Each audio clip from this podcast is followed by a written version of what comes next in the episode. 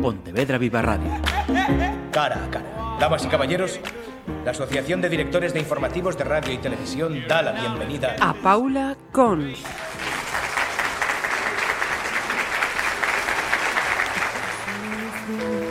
Garbo a dor A dor fundiuse coa area Enganchada unha leve lembranza hai marmurio no fondo do mar. Agardar pola nobre marea Que o salitre conserve a memoria De quen fala da lúgubre historia. Hai marmurio no fondo do mar.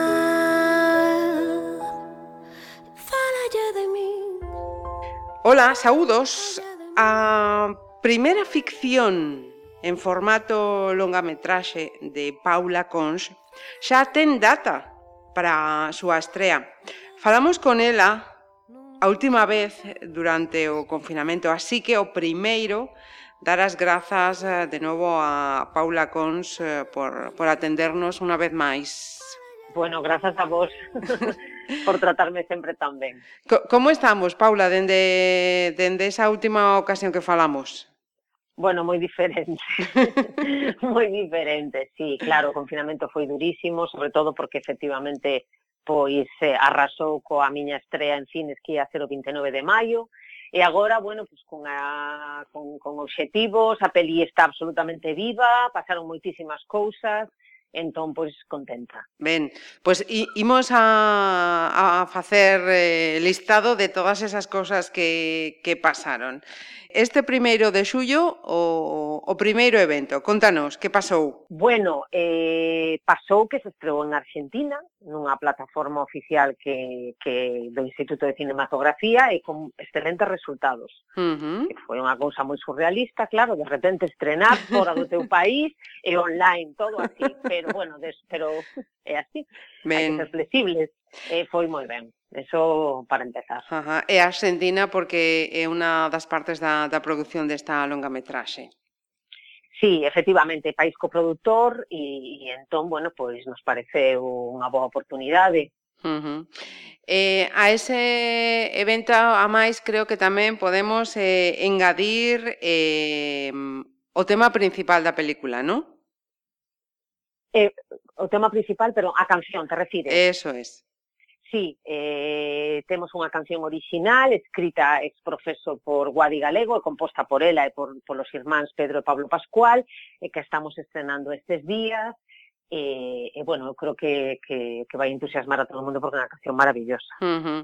eh, os que estén a escoitar esta charla xa oíron no, no comezo deste cara a cara un cachiño para rematar poñerémola eh, completa que chamase precisamente teni, tiña que ser salvorar Tiña que ser, tiña que ser.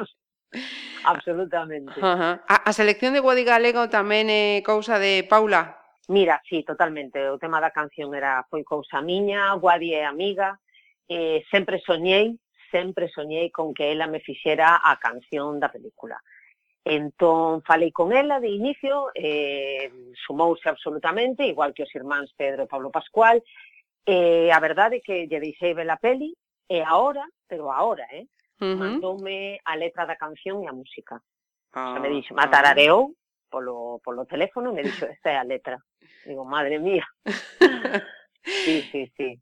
Eh, estamos a falar eh, nada máis e nada menos que de Guadi Galego para esa canción eh, principal da Illa das Mentiras, pero es que a máis eh, para esta primeira longa metraxe eh, escolliches, Paula, profesionais de moito nivel tamén na parte técnica e na parte artística. Sí, eu tive moitísima sorte, porque, bueno, teño como protagonistas ni máis ni menos a Nerea Barros, Darío Grandinete e Aitor Luna. O sea, vamos, primeirísima división para, uh -huh. para min, non? e despois, bueno, pois pues, tiven como director de fotografía a Aitor Manchola, que tamén é unha persoa cunha fama reputadísima. A verdade é que todos os xefes de equipo son de primeirísima división cunhas eh, trayectorias dilatadísimas e, e a verdad que me, me sentín absolutamente eh, arropada por eles, porque ademais é que todo o mundo eh, bogou a, a favor, loitou moitísimo pola película, por comprenderme, me fixo sentir comodísima. Para min, eh, eu sempre dicía, a rodaxe foi unha delicia. Xa, uh -huh. eu pasino de maravilla, eu dicía, no, pero eu teño que estar atormentada, porque sempre se di que pasan fatal os primeiros directores, isto teño que estar facendo mal, porque eu pa min este o máis divertido que fixen na vida, vamos. Uh -huh. E, e ainda que a peli é dura, eu estaba todo o día sorrindo e rindo porque foi maravilloso. Uh -huh. Ben, imos eh, coa data mm, do eh, eh 24 de xullo, non? 24 de xullo, ben, sí. Contanos, que vai pasar? que vai pasar? Pois vai pasar que se vai estrenar en Filmin, uh -huh. que é unha plataforma que foi crecendo moitísimo nos últimos anos, e, bueno, no confinamento eu creo que, que xa chegou a uns límites de aceptación, de coñecemento, de prestixio tremendos, eh, entón vais estrenar aí a película a nivel español. Uh -huh. Sí, sí, sí, sí. Eh, Una situación eh, que xa permite a normativa, porque claro, falábamos eh, de ese estreno en salas, pero dada a coxuntura actual a normativa xa permite, pois, pues, eh, non sei se é unha axuda importante para, para o sector estas posibilidades, Paula. Bueno, a ver, aí sempre eu creo que nos movemos en augas complicadas, digamos, uh -huh. porque por un lado, claro, é unha facilidade para os produtores que de repente se atopan cunha situación moi complicada que é que nas salas a xente non está a acudir, os datos están sendo por agora malos, uh -huh. por riba, bueno, pues con todas as eh, medidas que hai que tomar, os aforos son pequenos, e eh, vamos a empezar a empurrar todas as pelis para tomar o oco e vai ser eh, formar un cuello de botella, no que obviamente sempre imos perder as pequenas e medianas películas. Uh -huh. Entón, había que buscar unha solución. Que pasa? Claro, os creadores non fixemos as películas para inicialmente que se viran nunha plataforma. Eu a miña película que, que, que pretendo que Sálvora irrumpa na túa retina, pois eu rodeina para que fora estrenada en sala. Uh -huh. Pero mira, eu creo que non sei, o sea, temos que ter todos unha flexibilidade máxima, ao final faz unha película para que se vexa. Eu tamén o que pretendo é que en Filman vaya tan ben que non quede outra que estrenala en sala. Ajá. Eu ah. creo que é o meu objetivo, vamos. Uh -huh. Porque eh, para acudir a esta estrea virtual, digital, eh, co como hai que facer, Paula? Bueno, é moi sinxeno, porque moita xente me di, Dios, me teño que facer suscriptor para nada. En fin, non podes ver puntualmente unha película, únicamente te tes que registrar e alugas esa película. É moi sinxelo o proceso, eh, uh -huh. e bueno, El, e ademais, bueno, a película tes durante un montón de horas, o sea que, bueno, é, un, é cómodo, é inevitable, é un proceso cómodo. Mira, neste tempo eh, tivemos que acostumbrarnos efectivamente a, a eventos deste xeito. Pregunto para que non suceda como a lo menos a, a mí me, me ten pasado, que dices, bueno, pois pues, eh, é o día 24, vale, pois pues, o 24 vou a esta plataforma, eh, pago ou me suscribo e resulta que xa mm, rematou o prazo. Isto se pode facer o mesmo día 24 ou hai que adiantarse algún día antes para, para asegurar? No, eh, eh, eh, a verdade é que eh, a película eh, entra o 24 en filming eh, Ajá. e vai estar un tempo. Vale, o que vale, pasa que, que a min o que me encantaría, mm. digamos, que reventemos esa fin de semana o filming, non? Pero a verdade é que hai un tempo largo para ver a película e ademais, como dicíamos, a podes eh, alugar o, o 24, 25 ou o 26 ou o que sexa uh -huh. e a peli é túa durante tres días. Ajá. O sea, que a podes ver ou de repente a compras e non a podes ver nese momento, da igual, tes, tes tres días, o sea, o que dicíamos, é un proceso cómodo e fácil. Ben.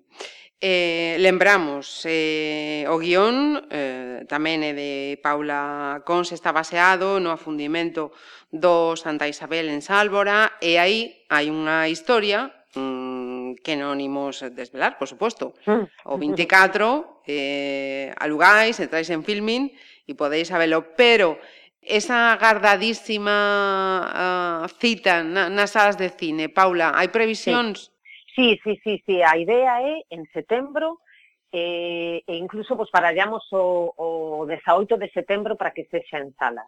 Ah, e bueno, vámoslo vámolo facer con, con moitísimo cariño e eh, co apoio total de Filmax e imos intentar chegar a todas as salas. A verdade é que en circunstancias normais unha sala non te querería, porque xa estás nunha plataforma, pero como eso, estamos todos sendo flexibles, todos cambiando o tableiro de xogo, pois pode haber partido e se a película foi ben en filming, e se a película gusta e se hai, se se percibe unha demanda, pois eu creo que, que, pode, que podemos acceder a bastantes salas en Galicia, non? Anotamos, imos eh, facendo a axenda 18 de, de setembro. Eh, aí tamén, eh, fora das salas de cine, eh, destas eh, presentacións eh, virtuais, tamén hai outras eh, boas novas eh, no posto de saída. Sí. Que, que sí, pasa sí, aí? Sí. pues estamos aquí, vamos, co corazón nun puño para poder anunciar que, que foi seleccionada a película nun dos 15 festivais máis importantes do mundo, un festival clase A, que está agardando a ver cando finalmente se celebra, ainda que, bueno, pues probabilísimamente se celebra a finais de xullo, uh -huh. eh, sería, eu creo que o gran festival, o primeiro gran festival que se celebra, e, entón, bueno, pues están vendo eh, bueno, pues como organizar, digamos, a súa comunicación pública, pero, bueno, eu creo que nos días xa, xa se vai saber. Ben, ou sexa que polo de agora están a, a montornarse as boas novas. Agardamos que, Ai, sí, que siga así. Por favor, por favor. Que siga así. E, e mentres, Paula, cos nervos como están? O estás tranquila? Bueno, mira, o que pasa é que todo tan raro, o sea, xa da Argentina foi tan extraño, porque claro, están pasándote cousas tan gordas, e ti na túa casa pechada, Uh eh, -huh. eh, vamos, o teu espacio físico é habitación ou estudio, non sei. Pero, home, sí, claro, estás intranquila, sí, sí, sí. Además, eu son moi nerviosa, xa que sí nerviosa, claro que sí. Ajá. Mira, e a experiencia que do que falábamos o comezo da, da estrela na Argentina, cal foi a resposta? Como foron as vibracións sí. que, que Moi boas, -huh. Foi excelente, foi excelente. No, no mes de maio foi a segunda película máis vista nesa plataforma. Unha pasada, uh -huh. unha pasada. E nos calculamos que aproximadamente habido unhas 60.000 personas, que é moitísima xente. Uh -huh. Moitísima xente. E... Mm, Eso e na Argentina, en... imagina. Sí, perdón, na, perdón. Claro. No, no, e despois as críticas, bueno, pois foron foron boas, moi boas, e como digo eu, e ningunha mala, que xa é bastante. o sea, que ben, ben.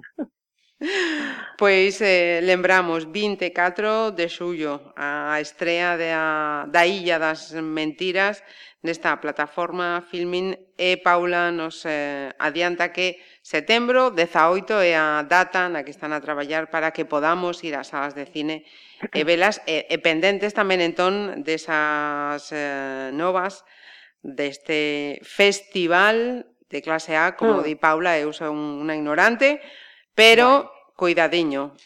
O galla eh, veña con, con todas esas boas eh, novas, Paula, que, que mereces por este traballo. Eh, Moitas gracias. Eh, e grazas unha vez máis por, por atendernos. A vos, a vos e moitos bicos.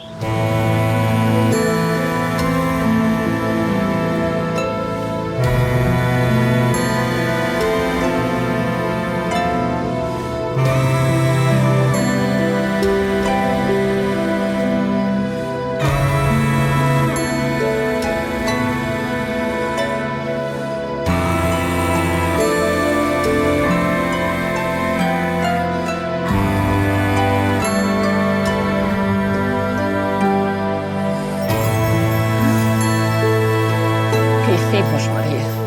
O silencio garbo a dor A dor fundiuse coa area Enganchada a unha leve lembranza. Hai marmurio no fondo do mar. Agardar pola nobre marea que o salitre conserve a memoria de quen fala da lúgubre historia. Hai marmurio no fondo do mar.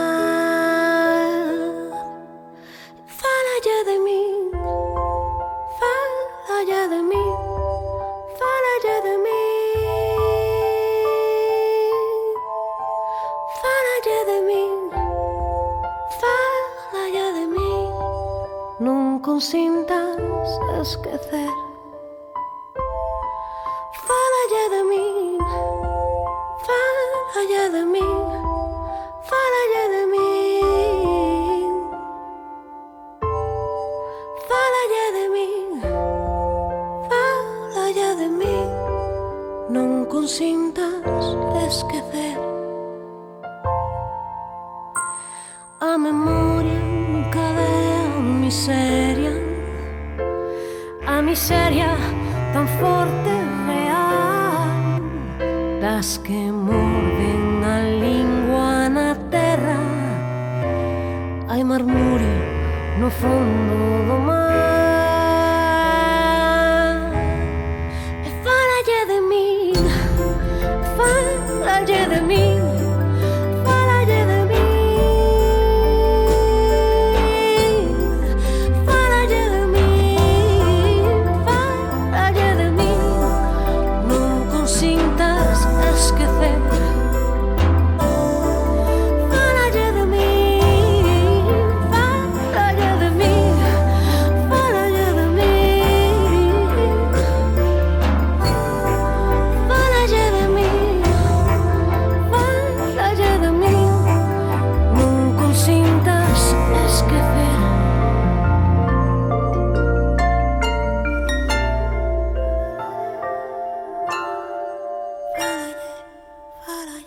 Pontevedra Viva Radio. ¿Me permiten que les haga un comentario como espectadores del programa Cara a Cara? Según un reciente sondeo de mercado, ustedes disponen de estudios e inteligencias superiores a la media. Sus intereses abarcan desde la actualidad mundial y la ciencia hasta el deporte y los espectáculos.